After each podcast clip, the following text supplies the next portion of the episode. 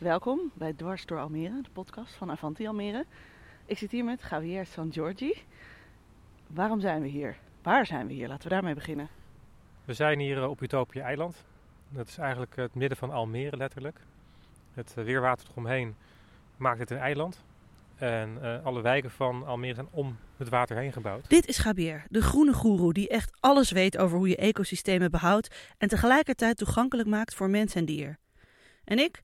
Ik ben Veerle Korstens van Avanti Almere en met Gabier loop ik over het eiland dat tijdens de Floriade in 2022 een soort voorbeeldeiland zal zijn van hoe je tegelijkertijd van natuur kunt genieten en deze gebruiken. Hoe je bijvoorbeeld je avondeten kunt wildplukken, maar ook hoe je landbouw kunt combineren met bosbouw en zo ook als bedrijf, of eigenlijk juist als bedrijf, nieuwe manieren kunt vinden om onze mooie Almeerse grond niet uit te putten. Vandaar dat hij samenwerkt met de enthousiaste gasten van Urban Greeners, die allemaal innovatieve bedrijven aantrekken en groene evenementen op het eiland organiseren. Maar daarover later meer. Eerst neemt Gabier me mee naar het voedselbos. Zullen we even die kant op lopen? Uh, ja, laten we dat doen. We kunnen vast even wat zien van wat er nu al, uh, wat er nu al is. Want wat is dan dus precies het verschil tussen de agroforest en het voedselbos? Nou, kijk, bij een voedselbos imiteer je natuurlijk bosecosysteem. Maar niet letterlijk om hem te kopiëren, maar om dezelfde kwaliteiten te krijgen die je ook hebt in natuurlijk bos. Namelijk, een natuurlijk bos legt CO2 vast. De bodem wordt rijker en, en, en uh, humusrijker. Je hebt ook in die zin dat je dus een bepaalde natuurlijke plaagbestrijding hebt, dat je heel veel insectenleven aantrekt. Um, eigenlijk allemaal kwaliteit. De waterkringlopen worden beter gesloten. Bomen creëren ook regen, dat weten mensen vaak niet. Maar oh, nee. We hebben natuurlijk regen uit de zee die naar het land inwaait. Maar om dat verder het land in te brengen, dan moet de boom weer water verdampen. En dat wordt dan weer verder het land ingeblazen. En je kunt letterlijk aan de isotoop van water zien. Dus uh, moet je dus moleculair naar kijken. Of die regen gekomen is van de zee of van een boom. Dus dat kun je gewoon, kun je gewoon herleiden. Zo, ja. vet. Dat is, natuurlijk, dat is natuurlijk fascinerend. Maar bomen zijn niet alleen dingen die water uh, verdampen, maar ze creëren dus ook een eigen, eigen regen weer. En eigenlijk al die dat noem je dan even ecosysteemprestaties, hè? even gezegd. Ja. Die wil je dus nabootsen, alleen maar dan met eetbare planten. Ja. Dus je wil nu zeggen van nee, we gaan nu niet het bos letterlijk kopiëren, want dat, dat, dat, dat, dat is gewoon een kopietje maken. Maar hoe gaan we nou met eetbare planten en zorgen dat we voedsel produceren? Ja. En in deze zin in een recreatieve vorm, wat ik aangeef. En aan de andere kant ook onze ecosystemen herstellen. Want wat we nu kennen in landbouw vaak is een contradictie. Hè? Van je kunt, uh, of in onze natuurgebieden, of, of tenminste, nee, niet natuurgebieden, maar vaak in, in onze aanleg van, van, van, van uh, groen zie je dat het gaat om één ding, bijvoorbeeld decoratiewaarde, maar minder om de natuurwaarde vaak. Ja, precies. Dat het er gewoon gezellig uitziet. Ja, nou, maar niet zozeer. Ja, dus een dat stad is ook leuk. Maar... Dus een stad is vaak heel mooi. Ja. En vaak heel goed, uh, omdat die bomen dan uh, ja, weinig onderhoud vergen. Maar aan de andere kant, als we het nou eetbaar maken, krijg je natuurlijk een situatie waarbij je zegt, nou superleuk, we kunnen van eten. En bij een voedselbos zeg je dan nog een keer van, laten we en voedsel produceren en tegelijkertijd die ecosysteemkwaliteit van een bos nadoen. Ja, precies. dus dat het, dat het natuur behoudt, of de ecosystemen behoudt. Ja, ja, het is ook nog interessant om doorheen te lopen. Ja. En je creëert, want hier zien we al van alles. Ik zie hier gele cornoeien. Klopt, dat is dus een inheemse plant uh, die gewoon in Nederland groeit. En laten we nou ook cultivars hebben die grotere bessen hebben. Wat zeg je, laten we? Nou, cultivars hebben. Die cultivars, nou, je moet denken, een Elstar appel. Ja, die ken ik. En je hebt een Jonagold appel. Ja? Nou, dat is dus die Jonagold en Elstar zijn cultivars van een appel. Dus verschillende ah, rassen heet het ook wel. Oké, en, en waarom noem je het geen rassen?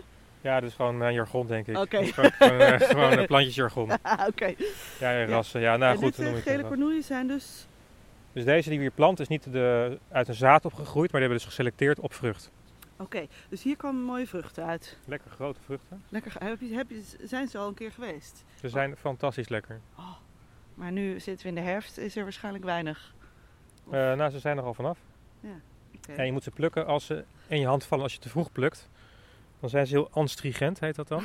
Nog weer jargon, ja. Dan voel je helemaal je mond samentrekken. Dat is heel bitter. Zo, ja. en dan heb je slechte ervaring. Dus maar als je, ze, als je zeg maar, je hand eronder dan zo aantikt en ze in je hand vallen, dan zijn ze heel zacht, dan zijn ze fantastisch. En kun je lekkere jam van maken. En trouwens ook, een van onze partners, uh, Ameerse Wilde, die zijn ook proactief in Almere aan het plukken om daar jam van te maken. Oh. Dus dat kun je eigenlijk al kopen. Maar, dus je moet ook eigenlijk best wel goed weten ook wanneer je wat kan plukken. Je moet, we moeten eigenlijk allemaal constant met jou op pad om te weten wat we nu wel kunnen plukken. Nou, niet. het leuke is, ik zeg niet dat ik het hier opnieuw uitvind, want stiekem in Almere groeit al heel veel eetbaars. Er is ook onderzoek naar gedaan. Ehm, en wat ik al zeg, Almeerse wilden doen al heel actief mee. Dus ja, kijk, wat ik zeg is van, hoe meer mensen hiervan weten, hoe, beter. het is. Ja, precies. Dus ja. En ik zie hier de roomappel. ja, dat is een eh, gewas dat we nog niet kennen in Almere. Dat is een boom die heeft eh, een vrucht die smaakt naar mango. Wat? Komt Noord uit, Amer- uit, uit Noord-Amerika. Dat is hartstikke lekker. Fantastisch. Ik wil dat. Ja, het is wel een hele trage groeier, dus je moet wel geduld hebben. Deze boom is al 9 jaar oud. Zou je niet zeggen. Nee, het ziet er maar echt nog eh, heel eenmaal- jong uit als een heel schattig jong boompje. Ja, maar als je eenmaal op gang is, dan wordt het een mooie, mooie boom. Maar hoe lang moeten we daar nog op wachten? Nou ja, de bloemen heeft hij al. Alleen, wij moeten gewoon nog net even, denk ik, een paar jaartjes hebben dat hij ze blijft, laat, laat, laat rijpen tot goede vruchten. Ja. heeft ook met de bestuiving te maken. Er staat daar nog eentje. Oh, Dus het is niet zomaar gedaan. Je kunt niet zomaar alles planten. Je moet ook na gaan denken over... Kan, maar dan ook bijvoorbeeld wat naast elkaar kan bijvoorbeeld. En, Nou, en op welke plek wat, qua zon. ik wil sowieso mensen aanmoedigen om gewoon te beginnen. En Ja? te gaan leren, want zo moeilijk is het ook niet. Eh, je moet gewoon door aldoende leren. Maar in je eigen tuin beginnen of in een bos, in een park Nou, beginnen? kijk, ik zou het leuk vinden als mensen wat ze hier leren en zien aanmoedigt om zelf bij de gemeente te gaan vragen: jongens, ik wil ook wat. En waar in de buurt kan ik wat beginnen in Ja, de publieke precies. ruimte? Oh ja, ja. Want kijk, een tuin is vaak te klein. En het is leuk dat je het voor jezelf doet, maar laat nou voedsel juist die verbindende waarden zijn die ook de buurt weer samenbrengt. ja. Nou, en dat is denk ik de meerwaarde van een ja, dat voedselbos. mensen in een, in een buurt ook samen Ja. dat gaan, gaan doen. En dan genieten Kennis- van de jam samen. En, Kennis ja. uitwisselen, je leert elkaar kennen. Het is een goed, goed excuus ook om elkaar te leren kennen. Ja, precies. En Lekker er, is een, er is iets heel moois, dat heet eh, eh, Incredible Edible in Todmorden. Dat is een Engels stadje. En die hebben de slogan, if you eat, you're in. Ja, Dus dat is helemaal niet discriminerend. Gewoon, als je eet, hoor je erbij. en ik vind het ook wel lekker nuchter, want... Kijk, ik denk dat juist omdat voedselbossen zo divers vaak zijn in aanplant en soorten, is er gewoon veel te leren. Je hebt veel kennis uit te wisselen. En dat is denk ik echt de culturele waarde die ze echt kunnen dienen. En laat nou juist, laten nou al die stadsparken daar wat meer eetbaarheid bij gaan zetten. en eten vindt iedereen leuk. Ja, en nou het goede cultivars.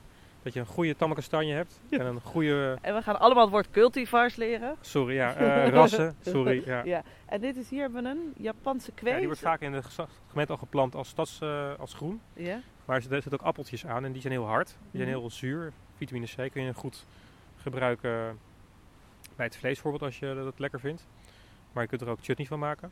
Is het als kweeperen? Of zeg ik dan niet heel gek? Ja, wel vergelijkbaar. Deze is wel iets harder en ehm, ik heb nog niet echt goede recepten gevonden die mensen hierover gaan. Maar ik denk ik het wel vergelijkbaar als een kweepeer zien. Dat is een goede uitnodiging ook om meer eh, eh, recepten te vinden met dingen die we hier allemaal vinden. Nou, wat ik denk ook heel erg leuk is, is dat juist heel veel mensen in Almere, natuurlijk heb ik ook een ontzettend grote internationale gemeenschap, ja, stiekem precies. al heel veel dingen al weten die wij helemaal niet weten. Oh, ja, precies. Nou, hier is die andere leuke, dat is een Szechuan pepper. Ik heb Ja. hem hier ook geplukt voor je. Oh, Moet je even aan ruiken. Oeh. Het is wel heel eh, fruitig, hè? Ja, een beetje, Ook wel pittig ruikt Ja, het. nou, het Kan blad- ik het eten?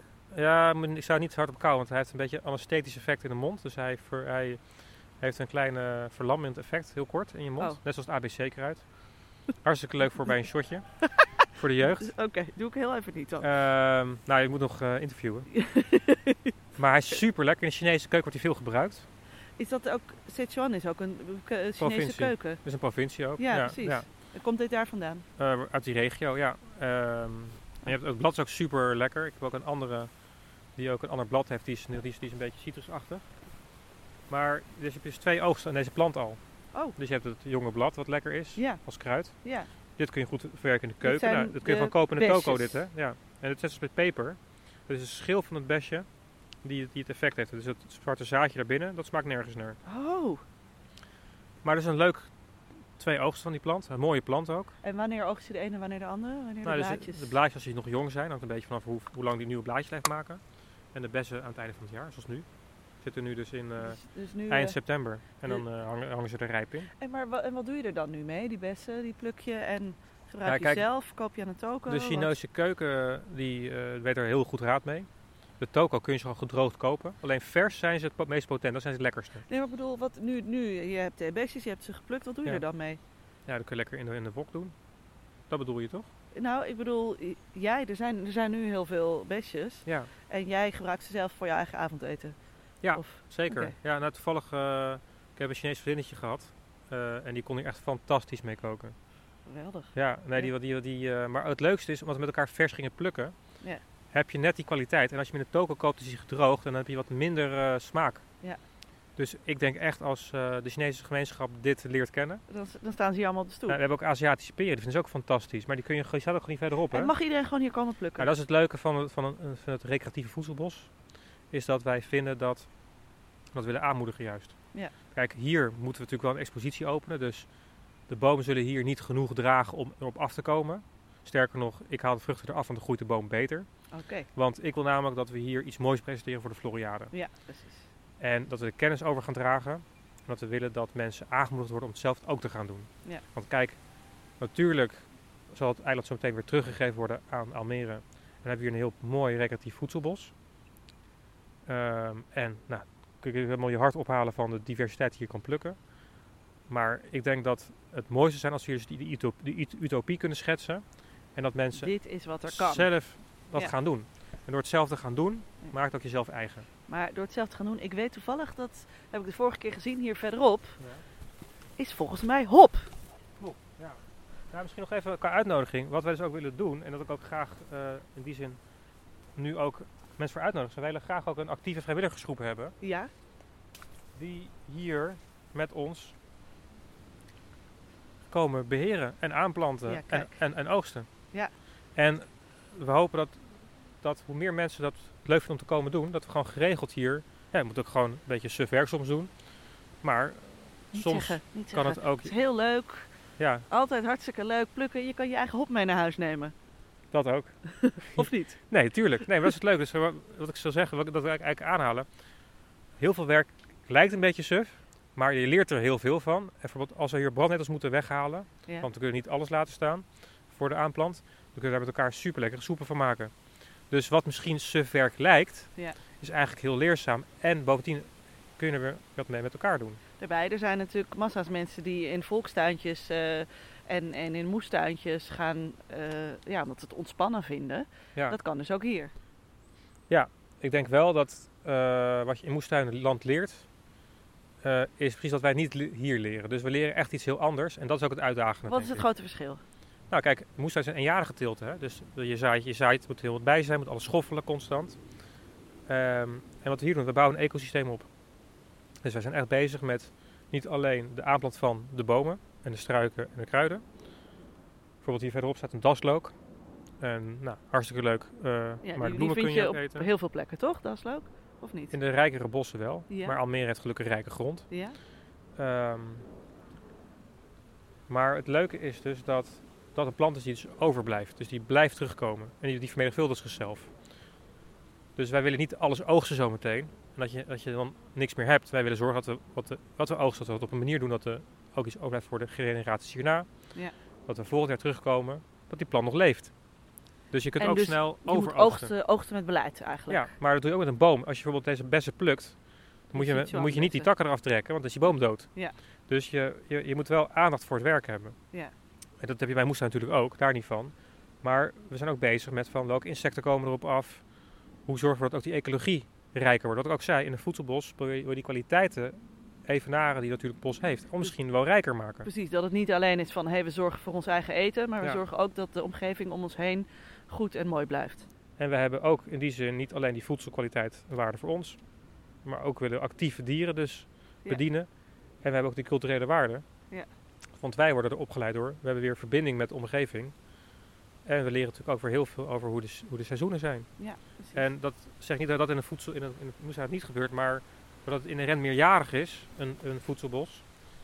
Zie je hoe het systeem opgebouwd wordt tot een climaxstadium. En hoe uiteindelijk ook je bewust ervoor zorgt dat ehm, ja, uiteindelijk hier ook misschien juist een uil gaat nestelen.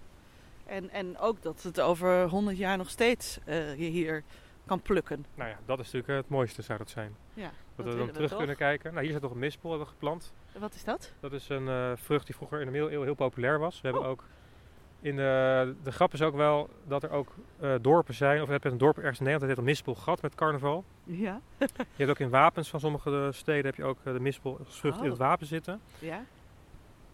Hij eh, heeft wel de uitdrukking zo rot als mispel.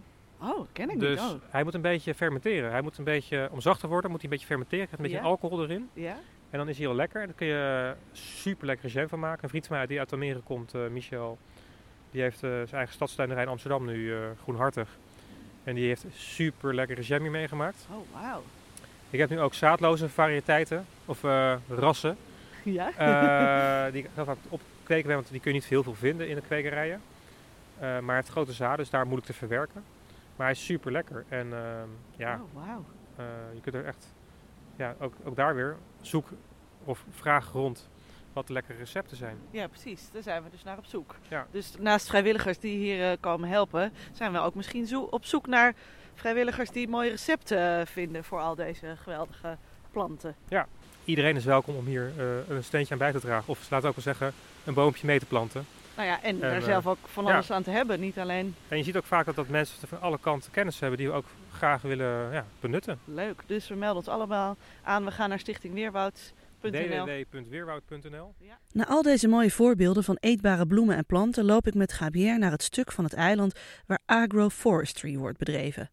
Oftewel, een voorbeeld van hoe landbouw en bosbouw elkaar kunnen versterken. Maar eerst vertelt hij me nog veel meer over de geschiedenis van dit bijzondere eiland. Want dat is ook een belangrijk onderdeel van het verhaal dat hij wil vertellen. Het is ook een klein geheimpje dat veel mensen niet weten. Maar die uitkijktoren die op het eiland staat van Utopia, Ja, die ziet er echt uit als zo'n mooie vuurtoren, maar Ja, het is een uitkijktoren. klopt. Maar die staat op de as van Centraal Station. Dus als je in de winter goed oplet en uit het hoofduitgang neemt van Centraal Station richting dit eiland, dan kun je zo la- over de laan kun je die toren zien staan. Oh, wauw. Ja. Oh, dat wist ik niet ja, inderdaad. zo grappig is dat hè? Ja. Het schijnt zelfs zo te zijn dat die eh, geplaatst is door de eerste burgemeester. Ja. Dit is nog zelfs getekend op papier. Uh-huh. Dus een cadeautje van een voormalige eh, organisatie die nu Rijkswaterstaat heet, aan Almere. Want hij kon zijn weg niet vinden in Almere, omdat alles natuurlijk gewoon plat was en er stonden geen bomen. dus het leuke van die toren is, is dat het eh, een oriëntatiepunt was, net als vele andere kerktorentjes in Almere. Die zijn dan ook los van de kerk, begrepen. Ik heb het nooit gecontroleerd, maar dat heb ik gehoord van iemand. Oké. Dus het waren voor hem oriëntatiepunten om, om, om zijn weg te vinden. Want ja, dat is natuurlijk één plat vlak. Wauw, het was voordat er gebouwd werd. Helemaal aan het begin, toen het net ingepolderd was. En, en, en toen was dit al een eiland. Eh, nou, het is een beetje raar gelopen, maar het eh, is zo dat Utopia Eiland pas later, ja niet heel veel later, eh, aangelegd ehm, toen het weerwater afgezogen werd voor de ophoging van de, de gronden voor de andere stadswijkdelen. Ja. En wanneer precies is onduidelijk, ik heb ook niet echt de datum kunnen achterhalen. Wel nog oude tekeningen van de aanplant. Eh, maar wie het ontworpen heeft en waarom precies die vorm heeft. Ik denk dat het gemaakt is ook als bescherming van de jachthaven, voormalige jachthaven Hedok. Oké, ja. Ehm, maar het is ook heel bijzonder, want het is eigenlijk een soort van stukje ongerepte Almere, wat 30 jaar lang niet beheerd geweest is bijna. Hoe kan dat eigenlijk? Ja, gewoon, het is eh, een plek die... ehm, Het is i- Alleen- midden in de stad. nou ja, vroeger was er een heel klein bruggetje eh, daar naartoe, naar het eiland. Dat, Ja. Kon je met z'n tweeën al net in de breedte lopen. Mhm. Ehm, en dat is een beetje ja, een, een plek waar gewoon de gemeente qua beheer nul budget voor had. En even het pad naar het strand vrij hield. En voor de rest door hondeneigenaren werd zo'n een olifantenpaadje gelopen. En werden niet eindeloos fikkies gestookt? Ja. eh, jongens die, eh, en meisjes die hier dikke Zeker. feestjes hielden? Ja, je, je kunt alles bedenken wat er God verboden heeft, is hier gebeurd, denk ik wel. De grap is ook wel dat ja, ja, je gewoon hier je kunt onttrekken van sociale controle. Ja. Dus ja, er zijn boomspijkers, er zijn bo- spijkers in bomen geslagen. Maar dat laten we ook allemaal zien. Dus wat het leuke van het plan is wat ik hier gemaakt voor het eiland heb, is hoe kun je aan de ene kant dus het, de historie van het eiland meenemen. Want eh, er is natuurlijk heel veel te vertellen wat hier gebeurd is. Er was ook bijvoorbeeld hier een, eh, een survivalbaan van Hedok, waar ze met jeugdkampen dan Oh, gingen dingen doen. Ja. Dus, maar ja, die kettingen zitten dus ook al twintig jaar aan die bomen. Hebben ze nooit losgegangen. Dus die bomen die worden helemaal gewurgd door zo'n ketting. Oh. Nou, dat laten we natuurlijk ook zien. Want het is nu voorbij, eh, Ja. de tijd van eh, geen beheer. Want nu, wie heeft het nu in beheer? Ik. Jij. Ja, dus je moet zo zien. Ik ben hier gekomen 4,5 jaar geleden op het eiland. En ik heb nog een foto hangen ook binnen. En dan sta ik eigenlijk in één grote wildernis. Ja. En wat ik gedaan heb hier, wat het grappig ook is, kijk, de Floriade heeft natuurlijk dat, dat hele rechthoekige carré. Leg uit. Nou, dus dat rechthoek wat, waar binnen de Floriade zich afspeelt, is een groot hoofdpad. Ja. En daarbinnen zijn allemaal kwakjes ingedeeld. En eh, die letters ook van A tot Z, van linksboven A naar rechtsonder Z. Mhm. Waar ze ook allemaal bomen omheen planten om elk vakje, wat het, het arboretum heet. Ja. En eh, dat is natuurlijk aan de ene kant leuk om te leren hoe wij een Latijnse naam aan bomen geven. En hoe wij die dan organiseren helpt ons dan het, zeg maar, de bibliotheek een beetje bij te houden. En binnen dat hoofdpad, daar gebeurt eigenlijk de Floriade. Want er kwam op een gegeven moment een idee van, hé, dat eiland is er, moeten we daar niet iets mee doen? dit eiland was er inderdaad. Het was iets van, daar, daar kunnen we iets mee, maar er is ook al niets geregeld. Dus eh, op basis van de ambities die ze hadden, gedacht van, nou, hoe gaan we nou hier een coherent concept bij bedenken? Dat het geen onge- ongevallen boekenkast wordt van losse ideeën. Hè? Want, want het is natuurlijk zo dat het een wereldtentoonstelling wordt. Het is natuurlijk heel leuk dat, dat mensen allemaal dingen willen. Maar je wil ook misschien iets vertellen met deze plek. En wat, wat zou jij willen vertellen met deze plek? De grap is, het heet natuurlijk Utopie Eiland.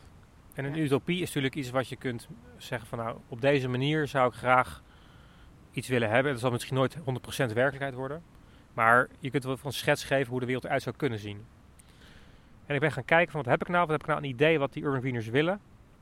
Want die willen natuurlijk helemaal allemaal grootse plannen natuurlijk altijd.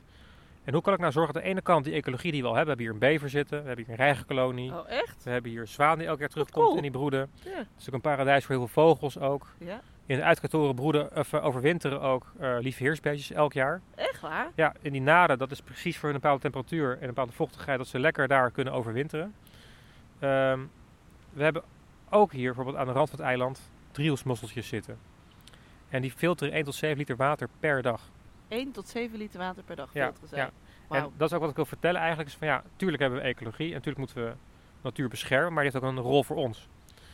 En door dat inzichtelijk te maken, kun je vertellen, die driehoeksmossels die filteren eigenlijk dat hele water schoon hier van het weerwater. En eigenlijk is het eiland, want het is een goede rondom, op de stenen die hier het, het, het eiland beschermen tegen de, de golven en het water, dat het niet helemaal wegslaat. Zorg ervoor dat het eiland één grote waterfilter is. Nou, en dat stukje vertellen van het verhaal, Ja. dat vind ik belangrijk.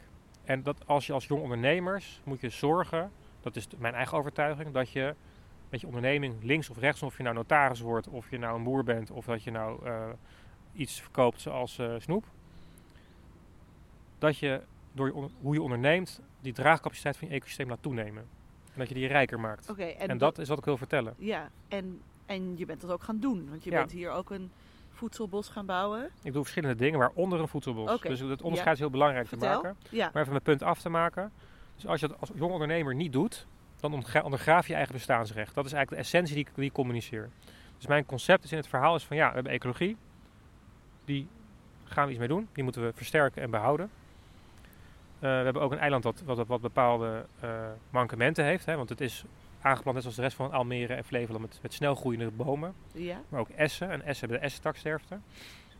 Dus ook hier eh, zijn al die bomen ziek. Die zijn gevaarlijk. Dus daar moet je iets Waar- mee. waarom zijn alle bomen ziek? Eh, nou, dus er is een schimmel die zich eet bij de bladeren naar binnen bij de essen. Ja. Die kan zich niet goed herstellen. Dus die bomen die, die, die worden elk jaar zieker en tot ze uiteindelijk valgevaarlijk worden en takken afsterven. Nou, dan krijg je een eiland waar je eigenlijk niet moet rond gaan lopen. Oké. Ehm, En wat, wat doe je daar nou nu aan? nou, we hebben dus eh, in het voorjaar een uitdunning gedaan.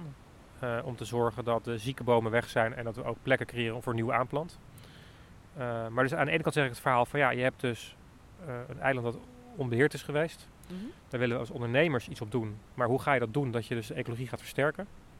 Aan de andere kant, hoe versterk je die? Nou, door onder andere, wat, dus, wat ik dus doe in dit verhaal, is die groentransformatie op, op me te nemen. Ja. ja, vertel, wat, Ja. Hoe, hoe doe je dat? Nou, dus wat ik gezegd heb, nou, je hebt de ecologie, je hebt dat, dit verhaal van het eiland. Laten we nou kijken naar dat, het die ut- utopie die je hier kunt neerzetten.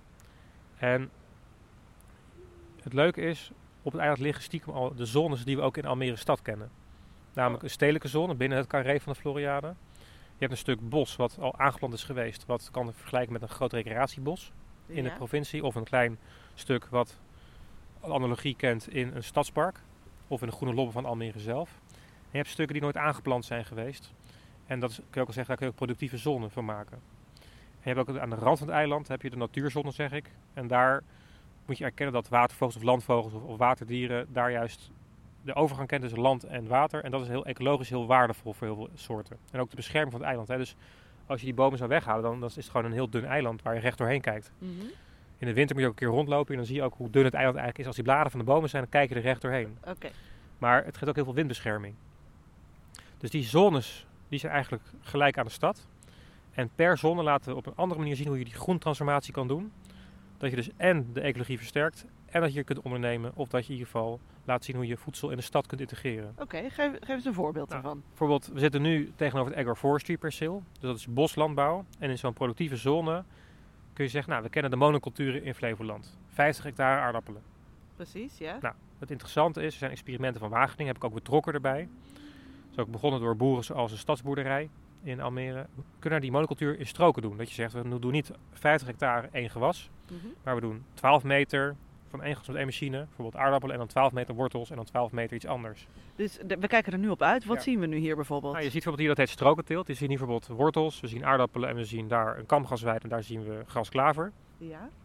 En dat is eigenlijk een wisselteelt die voor de jaren verandert over je stroken. En, en dat betekent dat je dus verschillende stroken hebt, verschillende gewassen. Ja. En die, eh, waarom is dat dan gunstig dat het verschillende gewassen zijn? Nou, ten eerste, het is geen monocultuur meer.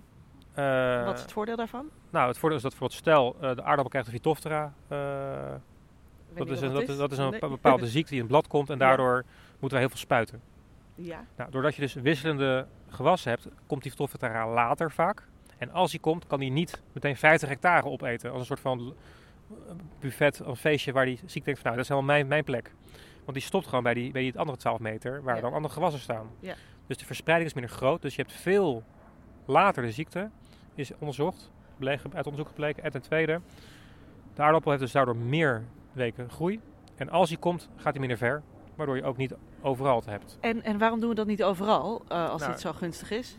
dat is uiteindelijk natuurlijk iets wat we natuurlijk nu eh, bedenken van ja, dit is zo logisch, waarom doen we dat inderdaad niet overal? Ja. Nou, en dat laten we ook hier zien. En wat ik dan zeg, nou dat is een heel goed verhaal. Als we nou toch al op GPS rijden, zetten daar een rijen bomen tussen, maken we er agroforestry van. ja. Dus bomen geïntegreerd in landbouw. En laat ik zien, je kunt ook een teelt hebben van vruchten zoals hier de Aziatische peer, in combinatie met eenjarige gewassen. En daar heb je bijvoorbeeld de duindoorn. ja. Hele rijke vitamine C hebben die bessen. En we hebben natuurlijk ook bijvoorbeeld daar voederbomen voor vee. We hebben amandelen hier staan. We hebben ook persimoenen, Maar, ehm, walnoten. eh, Ja, sorry, ik Ja. kan nog, sorry. ja Ik kan nog tuurlijk. eindeloos doorgaan. Tuurlijk. Eh, echt heel veel hebben jullie hier. Maar ehm, waarom eh, doen we dan in normale landbouw dit niet? Is, het, is dit te ingewikkeld om zoveel verschillende gewassen bij elkaar te hebben?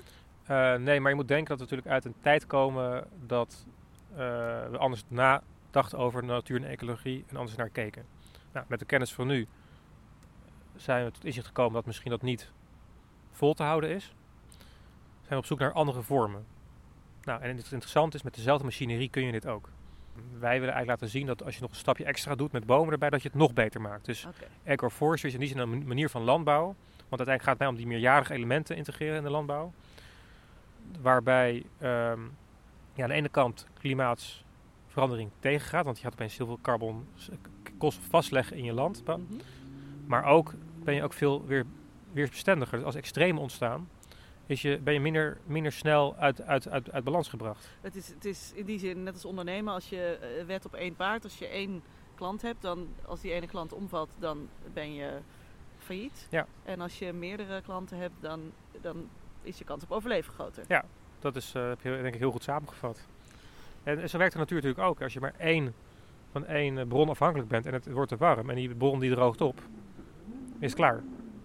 Nou, en dat laten we hier zien. Dus dat is zeg maar de kant waarbij we het agroforestry perceel hebben. Ja, en dat is dus boslandbouw. Ja. Ik kende die term nog niet. Nee, dus nou, dat, eh, agroforestry is een Engelse term, maar wel de ge- gebruikelijke term. Ja. En boslandbouw is heel verwarrend, want mensen denken aan voedselbossen. Oké. Dit is dus geen voedselbos. Oké. Dat is even heel duidelijk om te maken. Want hier, Geen voedselbos. hier, hier combineren we dus kennis van bosbouw, Ja, akkerbouw en veeteelt. cool. En daar laat je dus wat je net zegt, je laat echt zien van dit is wat er kan. En dan rijden we met echte machines rond. We hebben ook erf betrokken. Ja, Dat is een landbouwbedrijf die 2000 hectare biologische landbouw in Flevoland doet. ja, We hebben ook bedrijfjes betrokken zoals Knakwortel.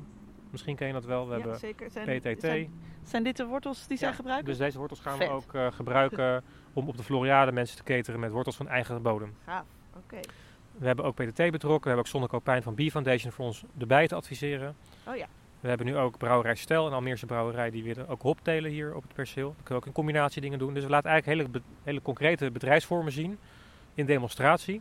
Precies, dat het dus niet alleen maar een utopie is, maar je kunt er ook gewoon echt bedrijf mee Ja. voeren. Dus we maken het heel concreet. We maken eigenlijk de korte keten in die zin. Ja, vet. En eh, dat is maar één stukje van het eiland nog. Precies, zullen we Ja. nog naar een ander stukje lopen? Ja. Nou, een ander stuk eh, wat, waar we naartoe kunnen lopen, dat gaan we in dit najaar mee beginnen. Dat is een representatie van een stadspark. En daar gaan we een veldkeuken neerzetten. Waar je met elkaar kunt laten zien hoe je kunt koken, hoe je kunt dingen verwerken, hoe je dingen kunt opslaan en dat soort dingen.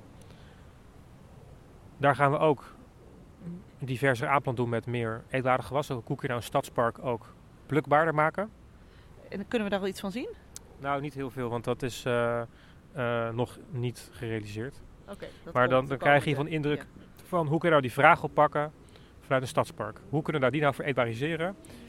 En hoe, kan die, Eetbariseren, Ja. wat een mooi woord. en hoe kun je nou zorgen dat eh, zo'n stadspark ook een meerwaarde krijgt voor de buurt? Want het gaat niet alleen maar omdat wij iets technisch doen, hè, een eetbare plan neerzetten, maar hoe ga je ook een cultuur eromheen laten ontstaan? Het is de bedoeling dat mensen hier komen recreëren, komen lekker naar het park en kunnen ondertussen ook iets plukken. Ja, en als we dus een veldkeuken maken, en dit gaat natuurlijk extra groter voor de Floriade, dat er gewoon groot publiek eh, op af kunnen komen, dat we ook voor scholen kunnen koken en kunnen betrekken.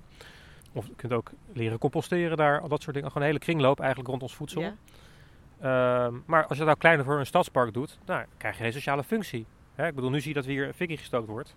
Maar in Australië heb je de Barbies, heet dat. ja, En daar gaan mensen actief naar buiten met elkaar op de barbecue. Lekker. het liefst iedere avond. Nou, dat, dat is toch fantastisch? Ja. Nou, zo'n cultuur zou je natuurlijk ook willen laten ontstaan rond stadslandbouw. Want waarom is onze groene buitenruimte niet helemaal eetbaar? Kijk, in Utrecht ontwerp ik de buitenruimte van een nieuwe stadswijk in, in, in, in, in ja. Dat is 16 hectare buitenruimte. Nou, daar, gaat, daar zit ook een school bij, een metaalkathedraal die eh, educatieve dingen doet rond ecologie en eetbaarheid. Ik denk eerlijk gezegd ook dat heel veel mensen ook simpelweg niet weten wat ze kunnen eten. Nee, maar dat is dus precies die cultuur die we proberen aan te jagen hier. Ja. Nou, en als we dan verder kijken, hebben we dus een recreatief stuk, noem ik het recreatieve voedselbos. Ja? Letterlijk ook op die manier, want voedselbossen zijn prachtig. En ik denk dat zeker in een recreatiegebied je door diverse aanplanten erbij te zetten, ook want die essen zijn natuurlijk allemaal ziek. We hebben, we hebben jonge bomen staan. Ja? Maar als we nou daar slim soorten bij zetten die het wildplukken, het fourageren bemoedigen. Dan kun je niet alleen hardlopen of je hond uitlaten, dan kun je ook gewoon daar actief lekker gaan picknicken. Dus hardlopen, rondje lopen en met eh, eten thuiskomen. Nou, dat. Nou, dat en, is toch ideaal? en nu zie je vaak dat het ontmoedigd wordt, want we hebben natuurlijk zo'n arme natuur. Maar als je nou dat bewust, want we hebben toch een cultuurlandschap. Hè? Ik bedoel, die bossen zijn aangeplant door ons. Ja. En ehm, moeten ze gaan verjongen. Laten we dan ook denken van hoe kunnen we nou die meerwaarde creëren vanuit voedsel en voedselveiligheid, maar ook vanuit het gebruik. Nou, en je ziet natuurlijk nu al dat als je walnoten hebt, dan worden die helemaal leeggeplukt. Dan zeg ik vanwege succes meer aanplanten. Ja. Nou, dat is natuurlijk een uitgelezen kans op zulke grote schaal dat te doen. Waarom maken we daar niet gewoon een heel mooi divers bos van, waar walnoten staan, zwarte walnoten, maar misschien ook eh, de echte goede cultivars van hazelnoten. Dat je gewoon grote hazelnoten hebt, niet van die kleintjes eh, van de zaailingen. Ja. Je kunt heel veel bessen neerzetten. Je kunt denken aan heel veel eetbaar blad. Je hebt zaden, je hebt eh, bepaalde knolgewassen. Mis ik nog iets? Nou, we hebben nog één stuk dat je niet hebt laten Ah, zien. We staan nu in het Bos Theater. Ja? Dus ook zo'n plek bijvoorbeeld, als je iets wil organiseren hier, neem contact op met Urban Greeners, met Boy van den Berg. Ja. Die zal je eh, hartelijk ontvangen. En nu is er een project dat heet Eilandbaas. En daarmee kun je dus zeg maar op het eiland programmering doen. Kun je dat- gewoon dat een dag houdt de eind- baas zijn van het eiland? Dat houdt half oktober op. Ik zeg niet dat eh, dat de laatste keer zal zijn Volgend waarschijnlijk. jaar volgens mij ook nog. Tenminste, Daarom. dat hopen we. Dat laat dat hopen. Dus ik zeg, wil je ook iets doen hier? Kom Ja. naar het eiland. Ja. Meld je aan bij Urban Greeners. Daar ga ik dan, dat doe ik dan weer dus weer niet. Hè? Dat is laten gewoon Ja. eh, dat Ja. duidelijk maken. Ga naar Urban Greeners, www.urbangreeners.com volgens mij. Volgens mij ook, ja. Ja. Eilandbaas.nl kan ook. Of eilandbaas.nl. Eh, laat, je, laat weten dat je iets wil doen hier. Dan zullen zij je verder helpen. Ja. Verderop, eh, in opdracht van IVN, heb ik daar een tiny forest aangelegd. Ja? Dat gaan we in november planten. Ja? 27 november uit mijn hoofd. Ja? En ik leg daar een mini voedselbosje aan. Dus Oh. landelijk voor hun doe ik ook een project dat heet eh Nog een, mini en voedselbosje. waarom dan nog een mini voedselbos als we Nou ja, dat heeft een andere context. Dit is, maar, dit is de recreatiezone van de stad. Ja? Dat is een stadspark. Maar Ja. wat kun je nou op schoolpleinen doen? Ah. Kijk, en het leuke is, in Almere worden al tien eh tiny forests aangelegd. En ze hebben mij gevraagd om landelijk een pilot te doen om dat eetbaar te maken. Dus ik heb er eentje in Ede aangelegd. Ja. Daar zijn we mee op op het snel gekomen. Ik leg er nu eentje aan in Beeldhoven. En dat wordt in november aangelegd. En in november leggen we ook hier een mini voedselbosje aan, dus een eetbaar concept. En daarnaast ligt letterlijk het niet eetbare concept, maar het tiny forest. En dat doen we met IVN. En zo kan GBR nog uren doorgaan met vertellen over ecosystemen, regenende bomen en natuurlijk zijn eiland. Wij lopen nog een stukje door over dat eiland. En mocht het nog niet duidelijk zijn, jij kan dus ook daar lopen en meehelpen met GBR. Die mooie plekken onderhouden, nog mooier maken en zelf bijdragen aan een prachtige natuur om je heen. En natuurlijk zelf wat plukken om mee naar huis te nemen. Als je dat leuk lijkt, geef je dan op via www.weerwoud.nl. Daar vind je alle informatie. Dit was hem dan. Dwars door Almere, de podcast van Avanti Almere. Volgende maand horen jullie ons weer. Dag!